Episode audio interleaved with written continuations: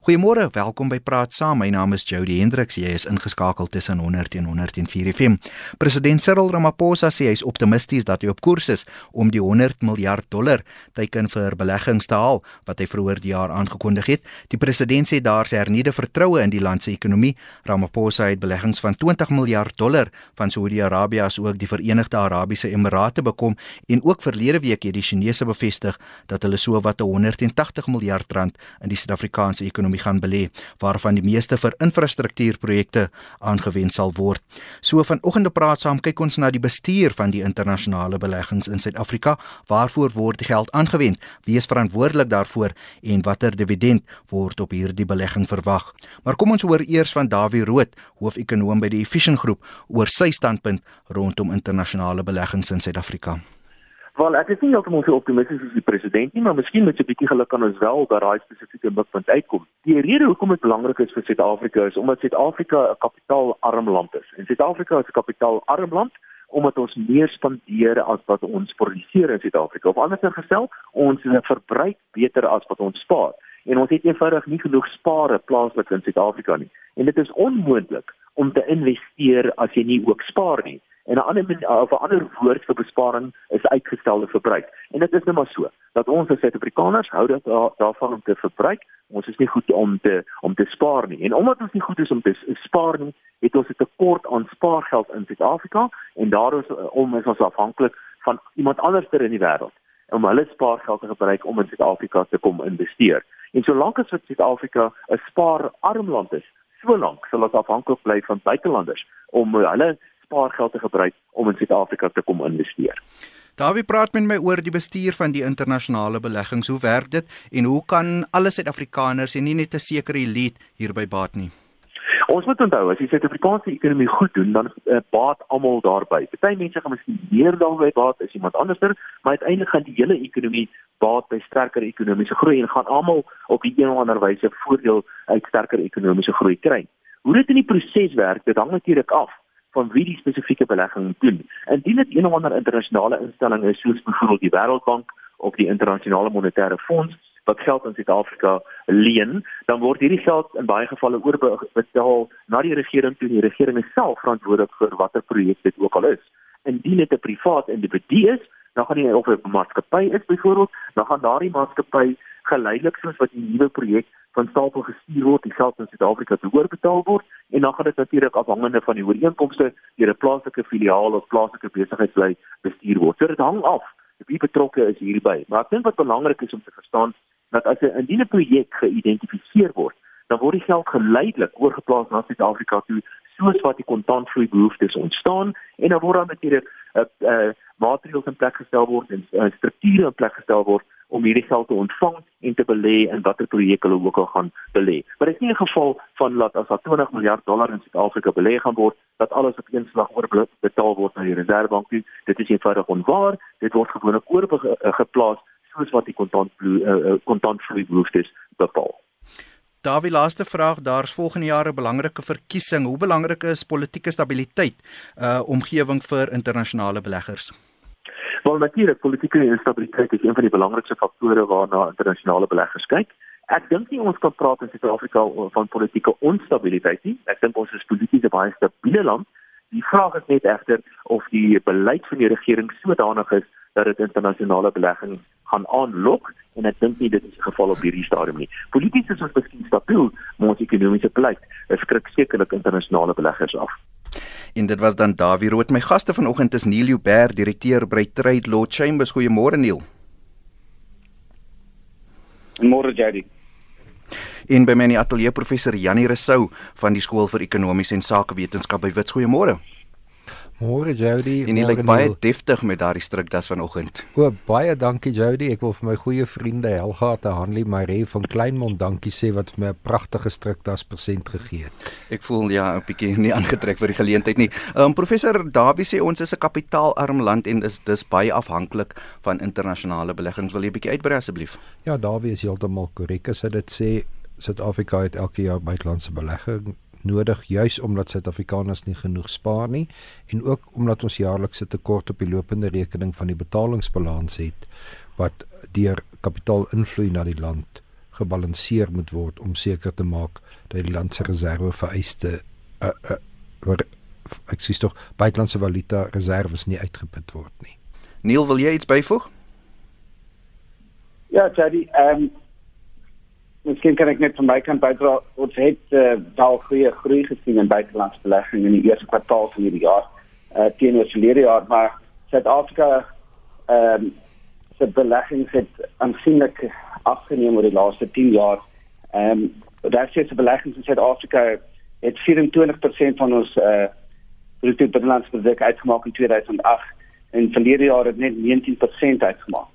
Ehm um, so ons jy het voorbeelde genoem van uh, groot nuwe beleggings wat uh, president Ramaphosa uh, gekry het. Hierdie is ongelukkig nog net beloftes. Hierdie beleggings moet nog geïmplementeer word soos ook uh, gehoor deur David die geld sal uh, aangewend word en en oorgedra word aan Suid-Afrika soos beleggings geïdentifiseer word en en soos dit benodig word. Uh, maar een goeie ding uh, is dat beleggers sentiment onder president Ramaphosa Ramaphosa definitief baie verbeter. Ehm uh, president Ramaphosa sê die regte boodskap uit dat Suid-Afrika weer oop is vir besigheid. Die regering besig om te werk aan die dinge wat belangrik is vir beleggers, soos stabiele politieke omgewing, deursigtige wetgewing, eh uh, regeringsbeleid en regulasies, bevegting van van korrupsie en ook om te kyk om nuwe insentiewe daar te stel vir beleggers, soos laer belastings en om eh uh, tape in ons ekonomie te verwyder. Neil, jy het verwys na die groei die in die eerste kwartaal. Waar staan Suid-Afrika in terme van internasionale beleggings vandag 31 Julie 2018? Ja, Jerry het gesê ons het al goeie groei gesien hierdie jaar. Ehm um, maar eh uh, ek kan nie vir die syfers gee vandag nie. dit word uh, deur die Reservebank opgestel en dit eh uh, vat hele paar maande om in die statistieke daar te stel. Ehm um, Suid-Afrika het 'n lang pad om te gaan nog in terme eh uh, van die hoër internasionale belegging. Ehm um, net nog nog 'n statistiek Suid-Afrika het uh, op die Wêreldbank se ease of doing business survey gegly van die 32ste plek in 2008 na die 74ste plek in, in 2016. Eh uh, dit wys net dink ons het verniel verloor as ons hom net gou kan terugkry. Professor, is sou so die internasionale beleggings word aangekondig. Vertel ons wat gebeur volgende die proses? Wanneer word die geld inbetaal? Word alles gelyk inbetaal? Waar word dit inbetaal en wanneer word dit deurgefilter na die projekte toe waarvoor dit geoogmerk is? Dit hang natuurlik af Jody of ons van 'n private projek of 'n owerheidsprojek praat. As ons van 'n owerheidsprojek praat, sal die geld deur die Reserwebank vloei uh, soos David reg gesê die Reservebank is immers die regering se bankier. So 'n private projek is is dit tussen die verskaffer van die kapitaal en die belegger wat die projek in Suid-Afrika bestuur wat geld sal trek soos wat dit nodig is om die projek te voltooi want daar word natuurlik rente betaal op geld soos dit getrek word. Onthou net van hierdie beleggers beleggings is ook in die vorm van lenings waarop rente betaal moet word en waar dit dan kapitaalbeleggings is verwag die belegger dividende en opbrengs op hierdie beleggings. As ons dan praat oor die pad vorentoe vir Suid-Afrikaanse beleggings en beleggings in Suid-Afrika moet ons natuurlik duim vashou vir 'n stabiele politieke omgewing in Zimbabwe. Want as Zimbabwe sy ekonomiese probleme kan oplos en die land weer kan begin groei, is Suid-Afrika perfek geposisioneer as die kanaal om Zimbabwe weer op die been te help. Dan sal daar baie beleggings na Suid-Afrika toe invloei met die oog op verdere belegging na Zimbabwe. Dit sal baie positief vir Suid-Afrika wees om dan die kanaal te wees vir ekonomiese heropbou in Zimbabwe en natuurlik sukses kweek sukses. So as dit vir buitelandse beleggers duidelik is dat Suid-Afrika suksesvol beleggers trek, beleggings trek en hierdie beleggings verantwoordelik bestuur word, sal dit meer beleggings na Suid-Afrika toe trek. Dis regtig 'n geval van sukses kweek sukses. Bob, goeiemôre. Bob? Ja. Goeiemôre, gaan voort asseblief. O, baie dankie. Ja, Uh dis Bob Jansen. Ehm um, ek wil net graag weet. Uh ons sit met beleggers of sogenaamde beleggings wat in die land gaan binnekom en Hoe gaan president Ramaphosa wat 9 jaar langs president Zuma geloop het sonder om 'n woord te sê oor alles wat onreëlmatig gebeur het.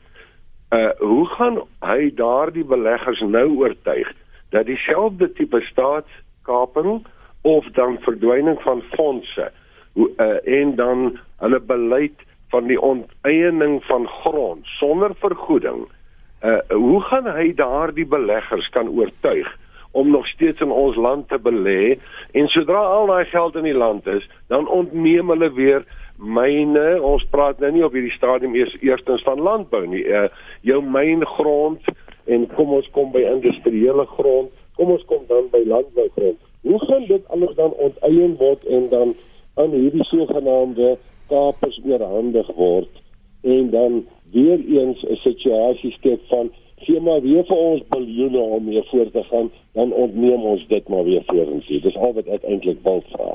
OK Bob. Baie dankie Neil. Risiko, dis seker iets waarna internasionale beleggers kyk. Hallo Jerry, skets ek was afgesny daar, maar ek is terug. Ja. Ehm um, ja Jerry, eh uh, risiko eh uh, soos professor Sake sê, stabiele politieke omgewing is baie belangrik. Ehm um, alhoewel Suid-Afrika nie gesien word as, as onstabiel, dit is wel tot 'n sekere mate politieke onsekerheid ook met die verkiesing volgende jaar.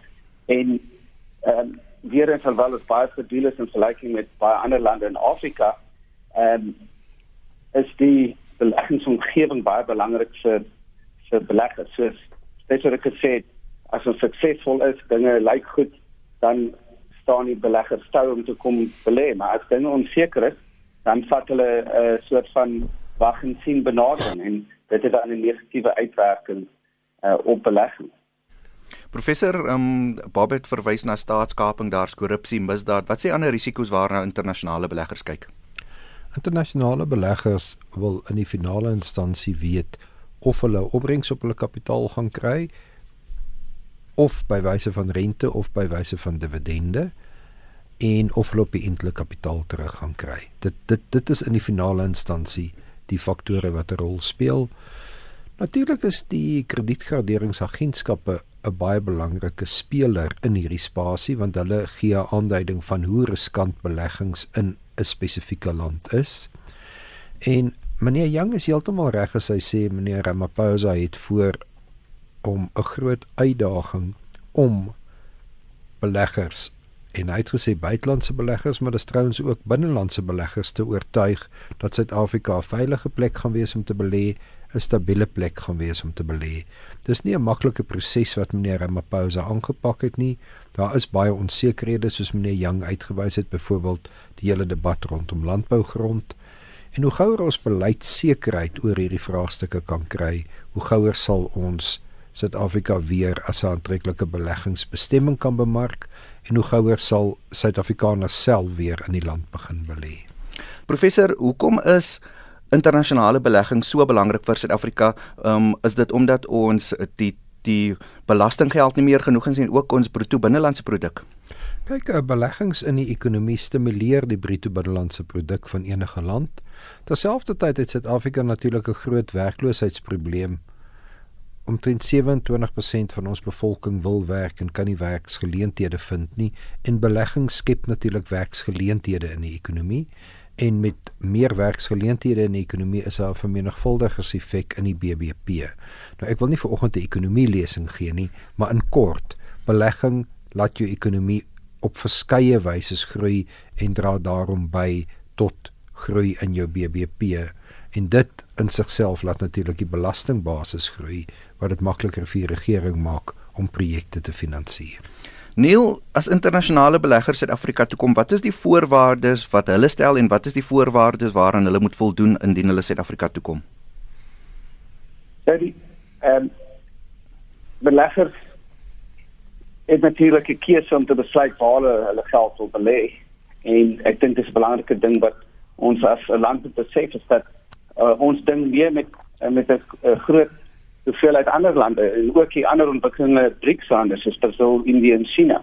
Ehm um, al hierdie lande bied beleggers verskillende uh, beleggingsinsentiewe of voordele, uh, laer belastings of belastingvakansies of selfs verslapping van arbeidswette. Ehm um, Patrice Motsepe het net verlede week gesê dat Suid-Afrika moet eh uh, fokus op meer te doen om hierdie voordele en insentiewe vir beleggers te bied sodat ons nog meer belegging kan kry. Ehm um, maar een ander baie belangrike uh oorweging vir beleggers is natuurlik uh beskerming van hul beleggings um, in terme van die reg. Uh, meeste lande uh sluit uh ooreenkomste in terme van beskerming van beleggings. In Engels noem ons dit bilateral investment treaties of BITs en Suid-Afrika het ongeveer 40 ongeveer 40 van hierdie ooreenkomste in plek. Maar regeringsbeleid was om sedert 2012 nie meer hierdie ooreenkomste te hernie. Dit is dit, dit is nie net Suid-Afrika wat hulle beleid hieroor verander nie, maar dit is iets wat wel baie van ons tradisionele beleggers veral uh, vanaf Europa uh, baie bekommer. Uh, die groot voordeel van hierdie ooreenkomste is dat dit maak voorsiening vir internasionale arbitrasies, dit beslegting wanneer jy wel onteiening van 'n belegging het. Ehm um, Suid-Afrika het dit nou vervang met plaaslike wetgewing in terme waarvan jy eers na die plaaslike howe toe moet gaan waar jy as 'n belegger onteien word. Ek neem jy kan begryp dat 'n belegger nie graag wil uh, beklei met 'n regering wat om onteien met in daardie regering se eie eie howe nie.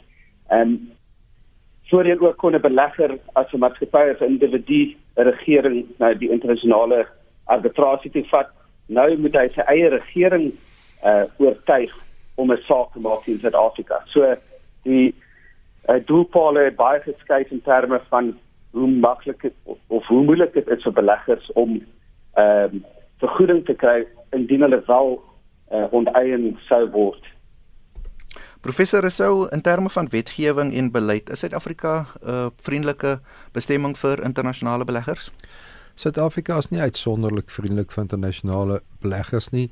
Daar's baie lande wat meer vriendelik is as Suid-Afrika en daarom uh, is Neil heeltemal reg as hy sê internasionale beleggers kan na verskeie opsies kyk en dit sal Suid-Afrika regtig baie help as ons die reëls en regulasies rondom internasionale beleggings kan vereenvoudig as ons vir voornemende internasionale beleggers se een-stop diens kan aanbied en as ons regtig kan wys dat dinge so staatskaping nie langer hier plaasvind nie dat ons besig is met skoon administrasie dat ons beleidsekerheid het dat ons met reg kan sê Suid-Afrika is oop vir besigheid. Ons moet egter net nie daai uitdrukking gebruik nie want dit word ongelukkig met president Zuma geassosieer.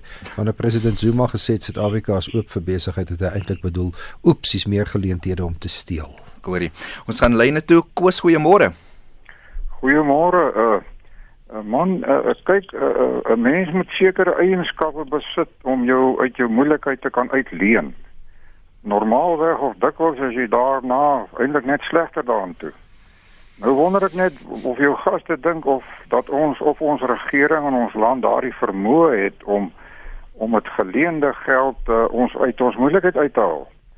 Ons uh, uh, sit al reeds met die swaard van die van die uh, bedreigde eiendomsreg hier en uh, het ons werklik waar die vermoë om hierdie geleende geld uh, tot ons voordeel aan te kan wend. Hoor jou Koos, baie dankie. Pier, goeiemôre. Hallo Jody. Ja, Pier, gaan voort asseblief. O, dankie Jody. En dankie, ek wil net sê my my my standpunt is soos uh, jy nou weet. Ek staan 'n vrye markstelsel voor. En ons regering moet kyk na die ekonomiese beleid van die land. Die werk die werkloosheid van die mense en uh, dan uh, die staatspensioene wat nou betaal word is minder as die minimumlone wat hulle sê wat die mense moet betaal. Maar die staat betaal 1700 rand maar die, die besigheidsmense moet 3500 rand betaal 'n minimumloon. Daai tipe dinge alles werk teen ons laat ons nie kan beleggings kry nie as jy nou vat die die uh, grond storie buitelanders met 99 jaar lease kry hy moet hier is hoeveel buitelanders wat grond in Suid-Afrika besit plase wildsplase eiendomme Wat van hulle? Nou nou gaan hulle dit vat. Met ander woorde, hoe sê ek? Jy vat dit. Met ander woorde, jy steel dit, want jy vergeet nie ou geld daarvoor nie. Hmm. As jy dit nie geld gee daarvoor nie, dan steel jy dit mos. Ek hoor jou.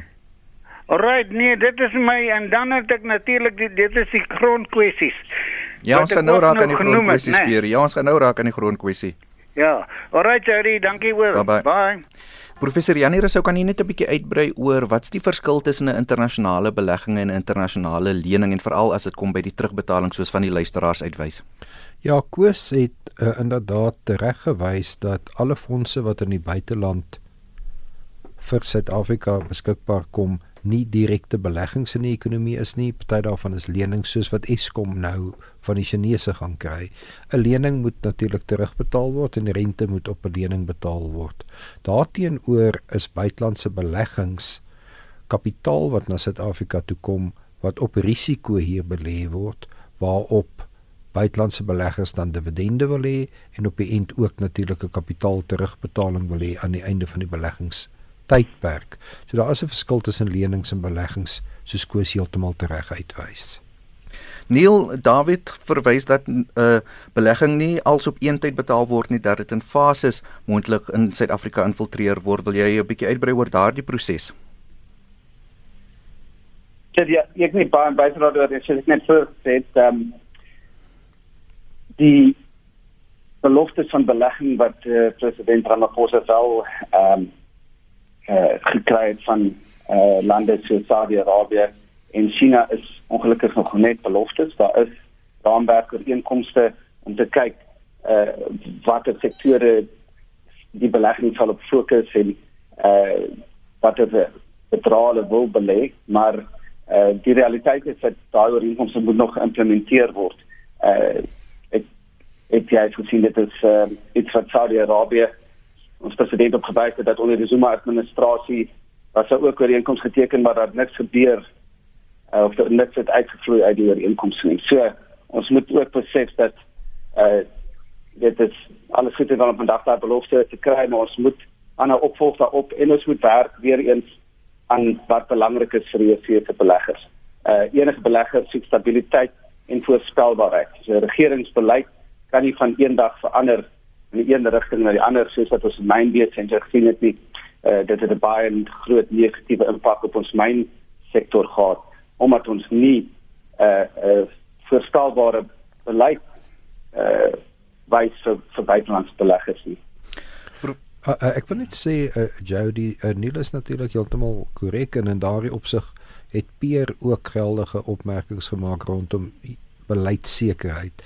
My huidige indruk is dat ons nie beleidsekerheid in Suid-Afrika gaan kry voor die volgende verkiesing nie.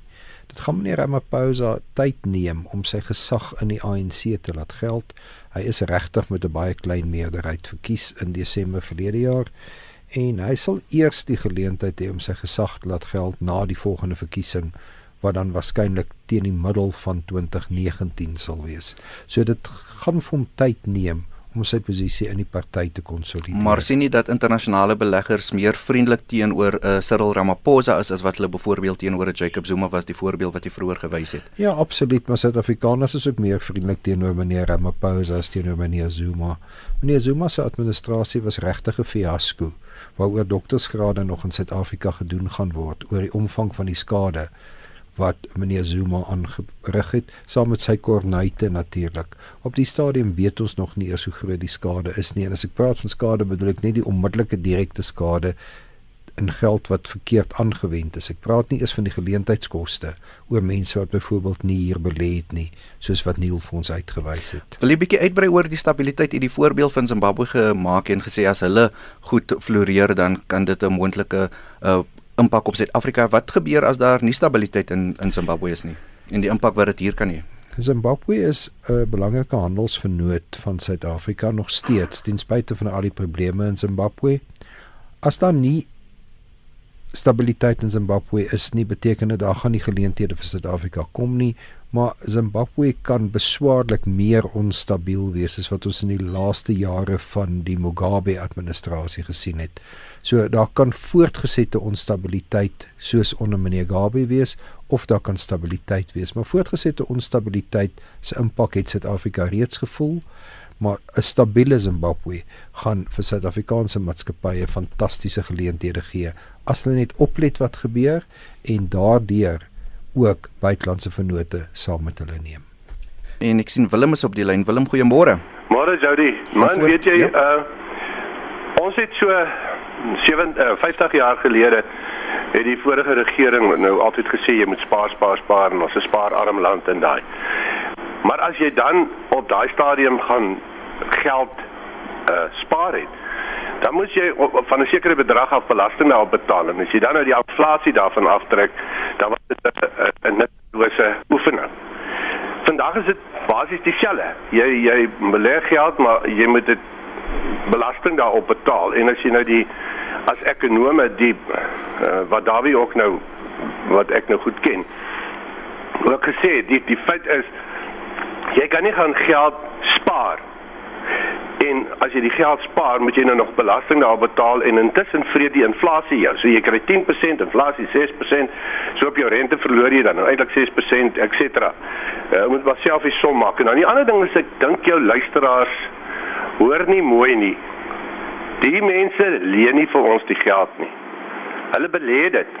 Soos ek geld belê, dan leen ek dit nie. So ek hoef dit nie terug te betaal nie. Die die belegger moet sorg dat die belegging wat hy gemaak het, soos wat Volkswagen en Mercedes en hierdie mense in Suid-Afrika belê, maak hy wins uit sy belegging deur die karre wat hy maak.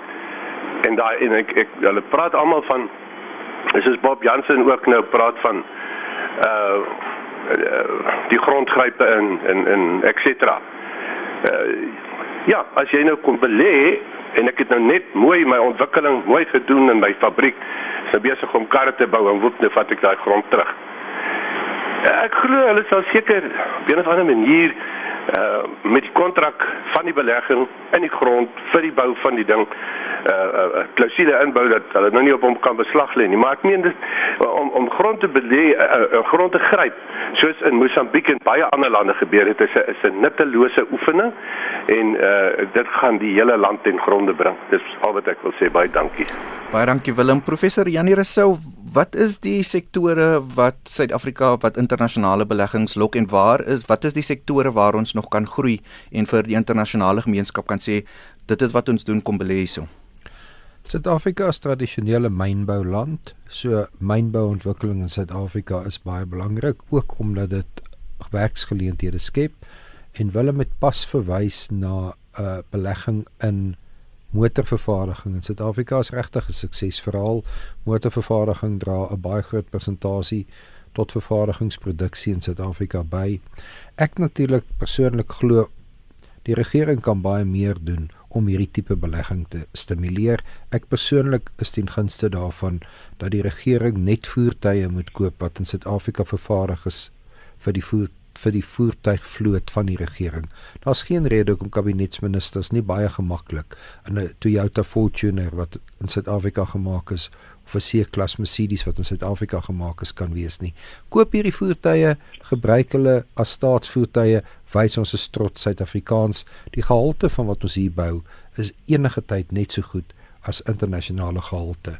So as ons van belegging praat, praat ons ook van meer belegging byvoorbeeld deur die regering in vervaardiging in ons eie ekonomie, soos byvoorbeeld net voertuie te koop wat in Suid-Afrika gemaak is. En die sektore waar ons kan groei? 'n Vervaardiging is definitief 'n sektor waar ons kan groei. Mynbou is definitief 'n sektor waar ons kan groei. En as ons sekerheid rondom landbou beleid kan kry, is dit ook 'n groei sektor. Ons het 'n groeiende bevolking wat moet eet.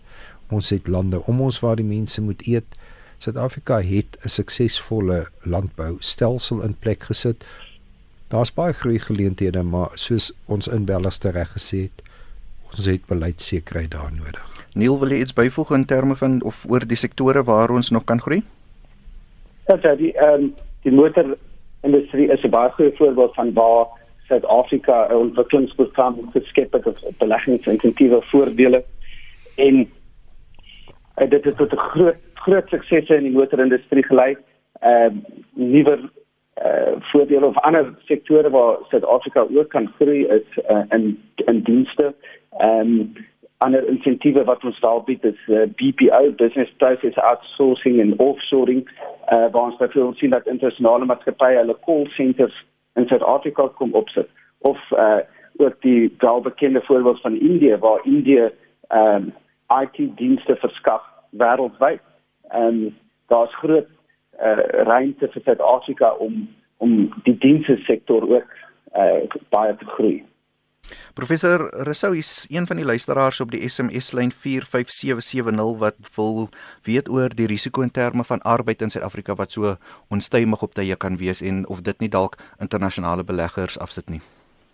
Ja natuurlik uh, sal arbeidsonrus negatief wees vir internasionale belegging. Ek kry dikwels die gevoel dat die arbeidssektor nie die totale koste van indiensneming verstaan nie. Daar is natuurlik looneise, maar dit is nie die totaal van indiensnemingskoste nie. As ons net kyk na die koste wat die huidige staking van werkers op die goudtrein vir die Suid-Afrikaanse ekonomie tot gevolg het en ook vir goudtrein self vir die werkgewer tot gevolg het, dan moet ons aanvaar dat 'n meer stabiele arbeidsomgewing Suid-Afrika meer aantreklik vir buitelandse beleggers sal maak. Neil kyk internasionale beleggers na Suid-Afrika se produktiwiteit. Ek dink dit is jy uh beleggers kyk na verskeie faktore en en arbeidskoste en produktiwiteit is 'n baie belangrike een. 'n uh, Ander belangrike faktor wat ons ook nie vergeet nie is infrastruktuur. Ehm um, onder die vorige administrasie het ons uh state-owned enterprises uh Eskom uh, Transnet, ons hawens, uh, ek kan maar opnoem met alles agteruit gegaan. Hierdie is alles baie belangrike infrastruktuur wat wat uh, die koste van besigheid doen uh of goedkoper of baie duurder maak vir beleggers. Ehm um, dis baie bemoedigend is om te sien dat president Ramaphosa dit een van sy ehm um, uh, uh prioriteite gemaak het om om hierdie infrastruktuur in Suid-Afrika uit te sorteer en, en te verbeter. Professor sou wees verantwoordbaar vir die geld wat hier belê word om te sien dat dit reg belê word of dit nou 'n lening of 'n belegging is. Dit hang natuurlik af wie die party in Suid-Afrika is aan wie die geld geleen word of by wie die belegging gemaak word. In die geval van die regering is die regering verantwoordbaar daarvoor. Die lening wat die Chinese nou aan Eskom gaan maak, is Eskom verantwoordelik vir die goeie bestuur daarvan, vir die terugbetaling van die rente en uiteindelik vir die kapitaal terugbetaling. En natuurlik as dit 'n privaat sektor belegging is, ons het nou van die motorbedryf gepraat, dan is dit die plaaslike filiaal van so 'n maatskappy, byvoorbeeld BMW of Nissan, aan wie die belegging toevertrou word wat moet seker maak dat dit goed bestuur word, dat daar rendement op die belegging is en dat daar verantwoording gedoen kan word oor die aanwending van die geld. So dit is absoluut bepaal deur wie die Suid-Afrikaanse party tot die ooreenkoms is.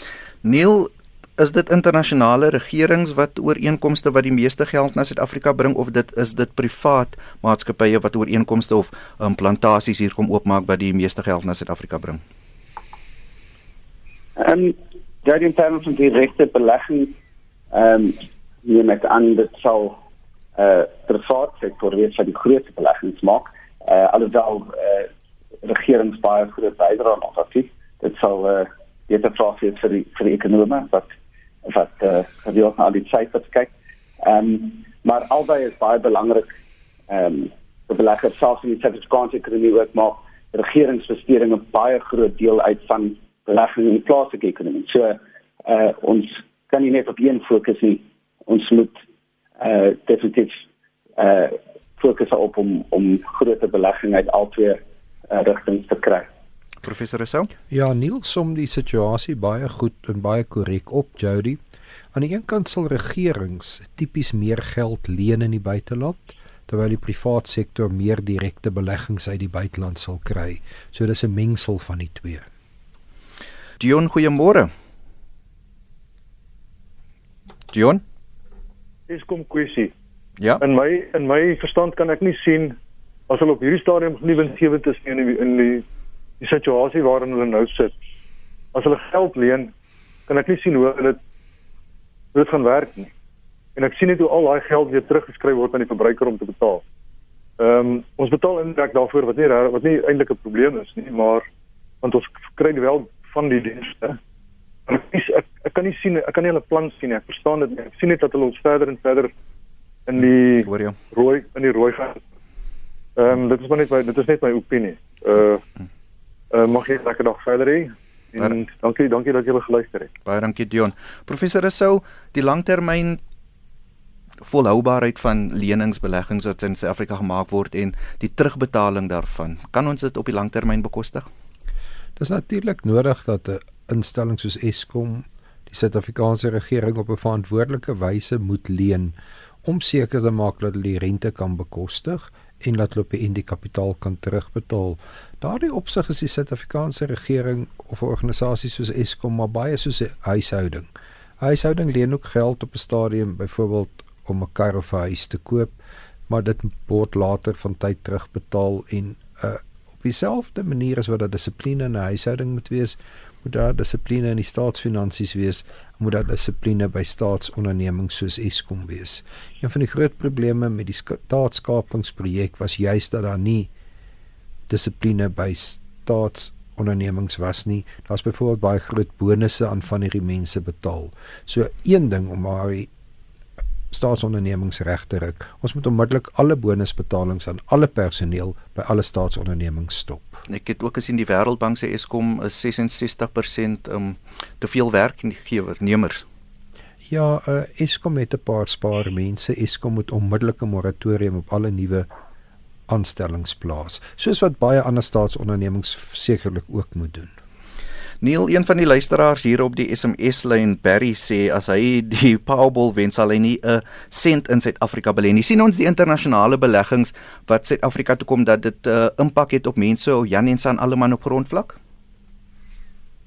Nou Jody, ek dink internasionale beleggersentiment is net so van toepassing vir plaaslike beleggers. Um ease of doing business red tape pla plaaslike besigheid net soveel soos wat dit buitelandse beleggers uh voor 'n probleem is soos uh professor uh sou ek genoem het um die uh ja die die buitelandse beleggers belê ook in plaaslike maatskappye. So op die einde van die dag is hulle ook 'n plaaslike besigheid. So ons moet regtig fokus om dit makliker te maak vir alle besighede uh of hulle buitelandse beleggers is of plaaslike beleg uh, besighede om besighede te kan doen, werk te kan skep en en die ekonomie te kan groei. Ja. My laaste inbeller vir die oggend is Koos. Goeiemôre Koos. Goeiemôre. Ja, die, ek graag ek net so twee sake wat ek graag wil opper.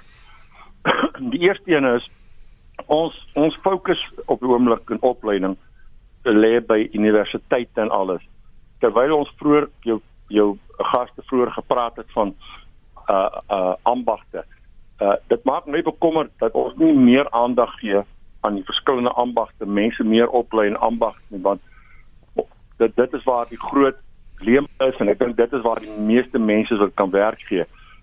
Dit is nou maar een van my opinies en dan die Kan ander ek net vir jou vra vra Koos, dink jy dit is iets waarna internasionale beleggers kyk?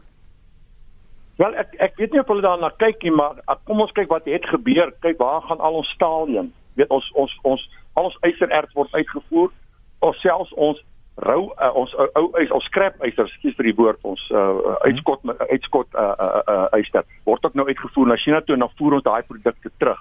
Kyk wat het by ons klerebedryf gebeur. Hoekom het ons klerebedryf agteruit gegaan? Dis nie 'n kwessie omdat ons juis nie daai vaardighede, daai handvaardighede, daai ambagvaardighede laat verwaarloos in die land nie. Almal glo ons moet universiteit toe gaan. En en, en, en eerlikwaar, el- dis onmoontlik almal universiteit toe te laat gaan. En die ander ding wat my bietjie ooppla is regtig ons produktiwiteitsvlakke.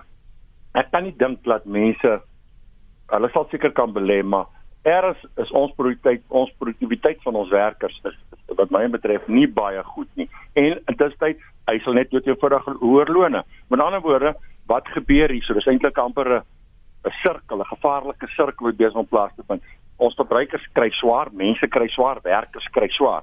Maar hulle produseer nie ooreenkomstig dit wat hulle verdien nie. Met ander woorde, outomaties word alles nou wat my betref duurder, moet meer betaal en dan gaan ons maar weer na die volgende ding toe. Ons kom nie uit nie, ons wil meer geld hê. So ek dink ons produktiwiteitsvlak is hopeloos te laag in die land. Baie dankie. Baie dankie Koos. Professor Janie Rousseau hier se luisteraar Bob wat sê op die SMS lyn dat uh, ja, president Cyril Ramaphosa is aanloklik vir internasionale beleggers, maar kyk hulle na die party agter hom. Ek dink hy verwys na die ANC. Wel, uh, internasionale beleggers sal kyk na meneer Ramaphosa na die party, maar ook na die regering en die breër kabinet. So daar's 'n klomp faktore wat internasionale beleggers in ag neem, net soos wat die geval is met internasionale kredietgraderingsagentskappe. Wat Koos se opmerkings uh, betref spesifiek oor produktiwiteit, moet ek die punt maak dat ons natuurlik na arbeids- en kapitaalproduktiwiteit moet kyk. So as ons oor buitelandse beleggings praat soos vanoggend, moet ons ook kapitaalproduktiwiteit in ag neem. Dan is dit byna groter ek gaan vir vra om op te som die pad vorentoe. Hoekom is internasionale beleggings belangrik vir Suid-Afrika en hoe bestuur ons dit dat dit alle Suid-Afrikaners hierby baat? Ja, ons moet seker maak dat ons beleggings kry wat ons op so 'n manier aanwend dat dit werk in die Suid-Afrikaanse ekonomie skep. Op die oomblik het ons 'n uiterste werkskepingskrisis. Dit moet ons fokus in Suid-Afrika wees. Neil, jou geslot slotgedagtes vir vanoggend? Dat ek wil net saamstem met die laaste luisteraar, ek dink opvoeding is baie belangrik. Uh skill shortage is 'n term wat ons uh baie hoor is iets wat uh beleggers ook na kyk. En dan wil ek ook net uh bydra tot wat jy sê ter sê vroeër gesê uh jy as Zimbabwe uh kan homself regryk uh wat geleenthede vir Suid-Afrika kan bied maar ons het ook onlangs 'n uh, uh continental free trade agreement geteken waar uh ons uh, gaan onderhandel om goedere van Suid-Afrika sonder belasting te kan uitvoer oor die hele Afrika dis 'n baie groot geleentheid vir beleggers om Suid-Afrika se basis te gebruik uh om van hier af in Afrika en beter te doen en ons moet ons plaaslike uh mark reg kry sodat dit aanloklik is vir uh vir daardie beleggers. En dit was dan vanoggend se praat saam. Dankie aan my gaste professor Janie Resou van die skool vir ekonomiese en sakewetenskap by Wits. Uh, baie dankie dat jy ingekom het en dan ook Neil Uber direkteur by Trade Law Chambers.